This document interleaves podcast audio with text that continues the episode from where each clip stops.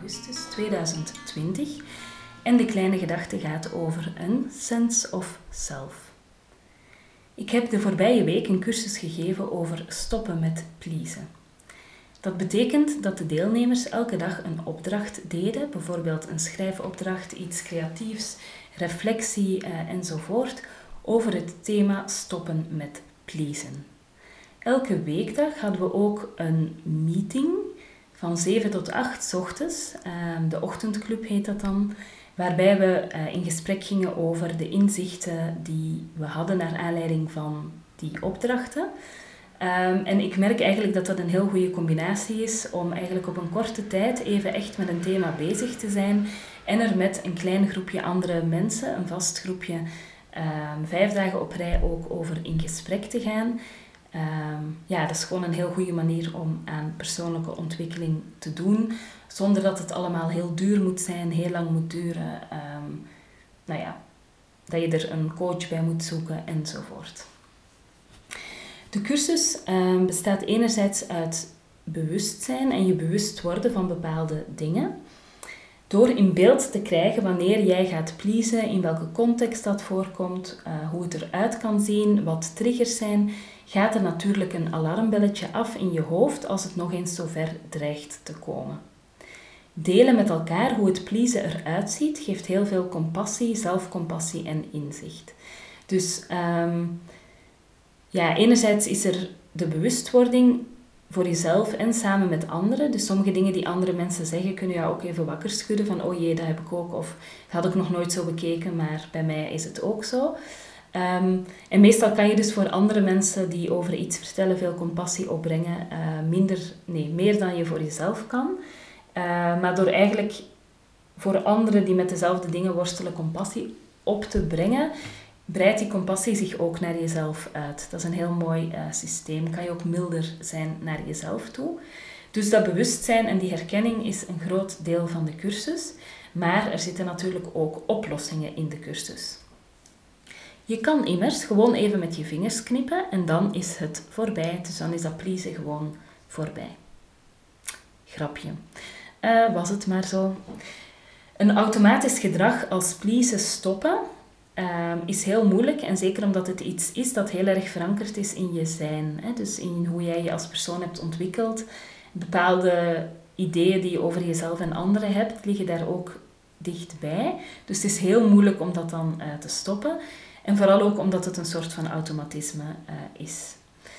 En het vraagt dus echt dat je een soort training opzet voor jezelf. In de cursus zitten allerlei suggesties die je in dat trainingsprogramma kan opnemen. Uh, dingen die misschien niet bij je passen, dingen die wel bij je passen. En het idee is dat je daar keuzes in maakt en een soort van uh, voornemen maakt voor jezelf om met bepaalde gedragingen te gaan experimenteren. Om met bepaalde elementen te gaan oefenen. Om op die manier nieuwe dingen paraat te hebben en niet altijd in dat automatische gedrag te gaan vervallen.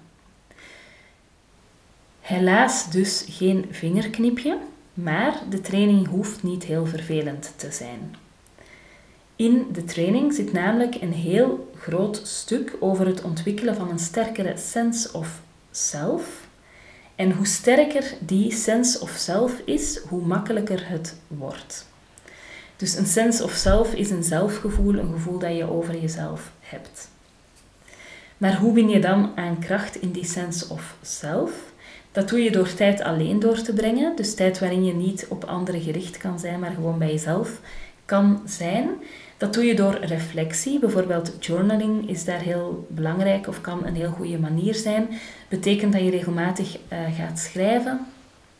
Um, en hier verwijs ik even subtiel naar mijn cursus 30 Days of Morning Pages, die op 1 november begint en waar je eigenlijk um, een maand lang elke dag schrijven gaat toepassen als een manier om goed in contact te komen met jezelf en bij jezelf te zijn.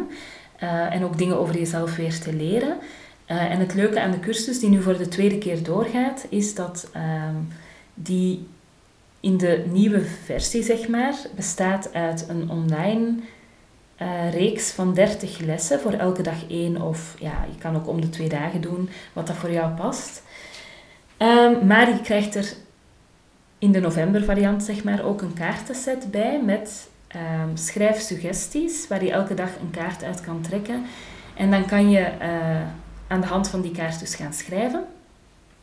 Um, en die, kaart kan je, die kaartenset kan je ook nog blijven gebruiken als de cursus voorbij is. Dus als je denkt van, goh, af en toe schrijven doet mij deugd, uh, maar ik vind het moeilijk om te beginnen, dan kan je zo'n kaart trekken en kan je daarmee aan de slag.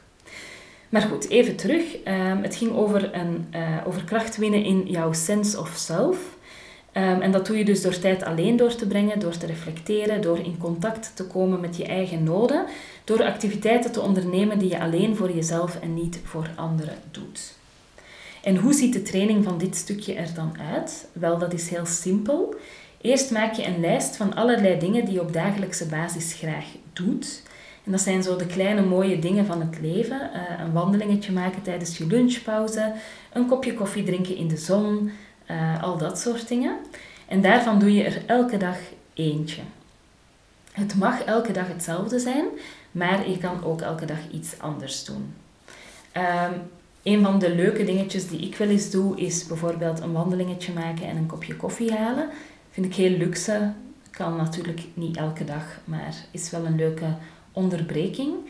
Um, ik zit met mijn kantoortje ook vlakbij een kringloopwinkel. En ook dat vind ik ook wel eens een leuke middagpauze om even daar een kwartiertje te gaan snuisteren en even helemaal in een andere wereld ondergedompeld te zijn. Um, nou ja, dat zijn allemaal kleine dingetjes die even, um, ja, gewoon even fijn zijn om te doen en die helpen om even ook bij jezelf te komen. Vervolgens maak je een lijst van de grotere dingen die je graag wil doen. En grotere dingen, dat zijn activiteiten die je op een avond bijvoorbeeld kan doen, of een middag, of zelfs een hele dag, uh, en die jij zelf leuk vindt om te doen. Op mijn lijstje staat momenteel dat ik de film The Secret Garden wil zien. Ik wil ook gaan wandelen op de Veluwe en ik wil ook naar het Katharijnenconvent gaan uh, en nog heel veel andere dingen. En van deze grotere dingen doe je er elke week één. En dat doe je alleen. En dat doe je met en voor jezelf. En dat is ontzettend voedend. Ik vond het zelf heel moeilijk om de stap te zetten om dit te gaan doen. Ik wou honderdduizend keer afzeggen, uitstellen enzovoort. Maar ik deed het uiteindelijk wel en ik merkte dat ik rustig werd van iets alleen doen, van tijd voor mezelf claimen, van niemand die me nodig had van heel even onbereikbaar zijn uh, enzovoort. En op die manier leerde ik weer voelen wat ik zelf graag deed. Ik had en heb als moeder en partner en werknemer zoveel in functie van anderen geleefd. En dat klinkt heel dramatisch, uh, maar nou ja, als werknemer, als moeder, als partner leer je, ook als vriend bijvoorbeeld, leer je wel je in zekere mate afstemmen op anderen. Uh, en dan kan het ook wel eens moeilijk worden om zo jezelf nog goed te kunnen voelen. En ik was eigenlijk op een bepaald moment gewoon vergeten wat ik bijvoorbeeld graag at of graag deed. Um, ja, toen ik bijvoorbeeld mijn partner leerde kennen, was ik net een paar jaar alleenstaande ouder geweest. Dat betekent dat ik in die jaren had ik eigenlijk een permanent tekort aan tijd, energie en geld. Um, en toen ik Pieter leerde kennen, Pieter was alleen, die had geen kinderen. En voor hem was het heel normaal om bijvoorbeeld op vrijdag, als we vrij waren, om dan lekker de stad in te gaan. En uh, lekker een koffietje te gaan drinken. En gewoon even in een boekhandel een beetje rond te hangen en kijken of er nog iets leuks was. En dat waren dingen die ik toen ik dat met hem samen was, moest ik dat echt opnieuw leren. Dat dat gewoon... Ja, ik moest daar echt aan wennen, dat dat gewoon kon en dat we gewoon zo'n dingen deden. Uh, want ik had zelf een soort van gevoel in mijn hoofd dat ik elk moment nuttig moest besteden. Uh, nou ja, en als ik dan een keer zonder kinderen was, dat ik dan natuurlijk geen koffietjes mocht gaan drinken, maar dat ik dan bijvoorbeeld een opruimklus in huis aanpakte of weet ik veel, mijn belastingen regelde of wat anders. En ik moest echt enorm wennen toen ik Pieter dan leerde kennen aan um, ja, terug dat soort momenten hebben. Maar omdat Pieter die terug in mijn leven bracht, die momenten, um, ja, merkte ik na een verloop van tijd dat ik dat soort dingen dan deed die Pieter leuk vond. Dus die voor Pieter normaal waren, zoals koffie drinken, gaan lunchen, weet ik veel wat. Uh, en ik moest daar echt weer dan opnieuw naar... Uh, ja, moest ik mij opnieuw heel bewust van worden van dat ik zelf persoonlijk andere dingen zou doen met mijn tijd. Ik, ik ben veel meer geneigd om naar de natuur te gaan bijvoorbeeld. Um, en ik moest zo die tweede klik maken van niet alleen dingen doen die hij dan graag deed, ook als ik alleen was, maar ook echt dingen gaan doen die ik zelf graag deed. En die moest ik echt, echt van heel ver weer gaan, uh, of die moest ik heel diep weer gaan opgraven van wat dat dan was. Zelf activiteiten uitkiezen, er niet over onderhandelen, het gewoon gaan doen, deed mij ontzettend veel deugd, ook al vond ik het in het begin heel spannend. En ik ontwikkelde daardoor dus weer een sterker gevoel voor wat ik graag wil. En daarmee denk ik dat ik ook weer interessanter werd voor anderen. Um, en ja, ik denk dat dat op twee manieren zich uitte. Ten eerste had ik weer meer leuke dingen te vertellen, want ik maakte natuurlijk weer wat mee. En een ander element um, was dat ik um, ook bijvoorbeeld als Pieter vroeg van zullen we uit eten gaan en waar heb je zin in, dan zei ik altijd ja, uh, maakt niet uit, kies jij maar. En ik begon daar ook sterkere voorkeuren te hebben en te uiten. Dus ik had plots wel ideeën als we wat gingen doen, uh, wat dat dan kon zijn. En dat is voor iemand, ja, weet ik veel, een vriend, een partner, whatever, ook gewoon leuker om met iemand op stap te zijn die ook zelf daar inbreng bij heeft. Dus um, dingen voor jezelf doen is niet alleen leuk, maar je wordt er ook interessanter door voor anderen. Dus um, het is vrijdag. Ik hoop dat je even tijd hebt voor een kopje koffie. En ik raad je echt aan om even te gaan zitten, een lijstje te maken van 20 dingen die je graag doet en er gewoon voor de komende weken elke dag eentje in te plannen. Een date met de belangrijkste persoon op aarde en dat ben jij. Um, en ik ga, denk ik, um, nou ja, dit weekend of maandag mijn maandmailtje uitsturen.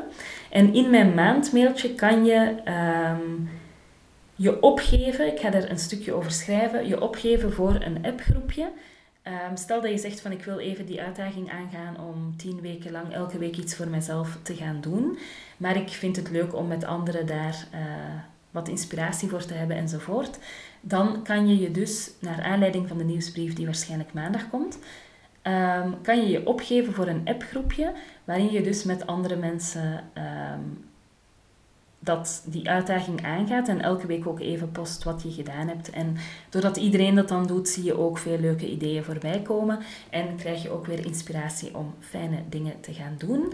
Als je um, mijn maandmail wil krijgen, dan uh, kan je naar mijn website gaan en daar zelf je e-mailadres invullen. Of je kan ook even een mailtje sturen uh, of een berichtje op Instagram bijvoorbeeld uh, met je e-mailadres en dan kan ik jou toevoegen.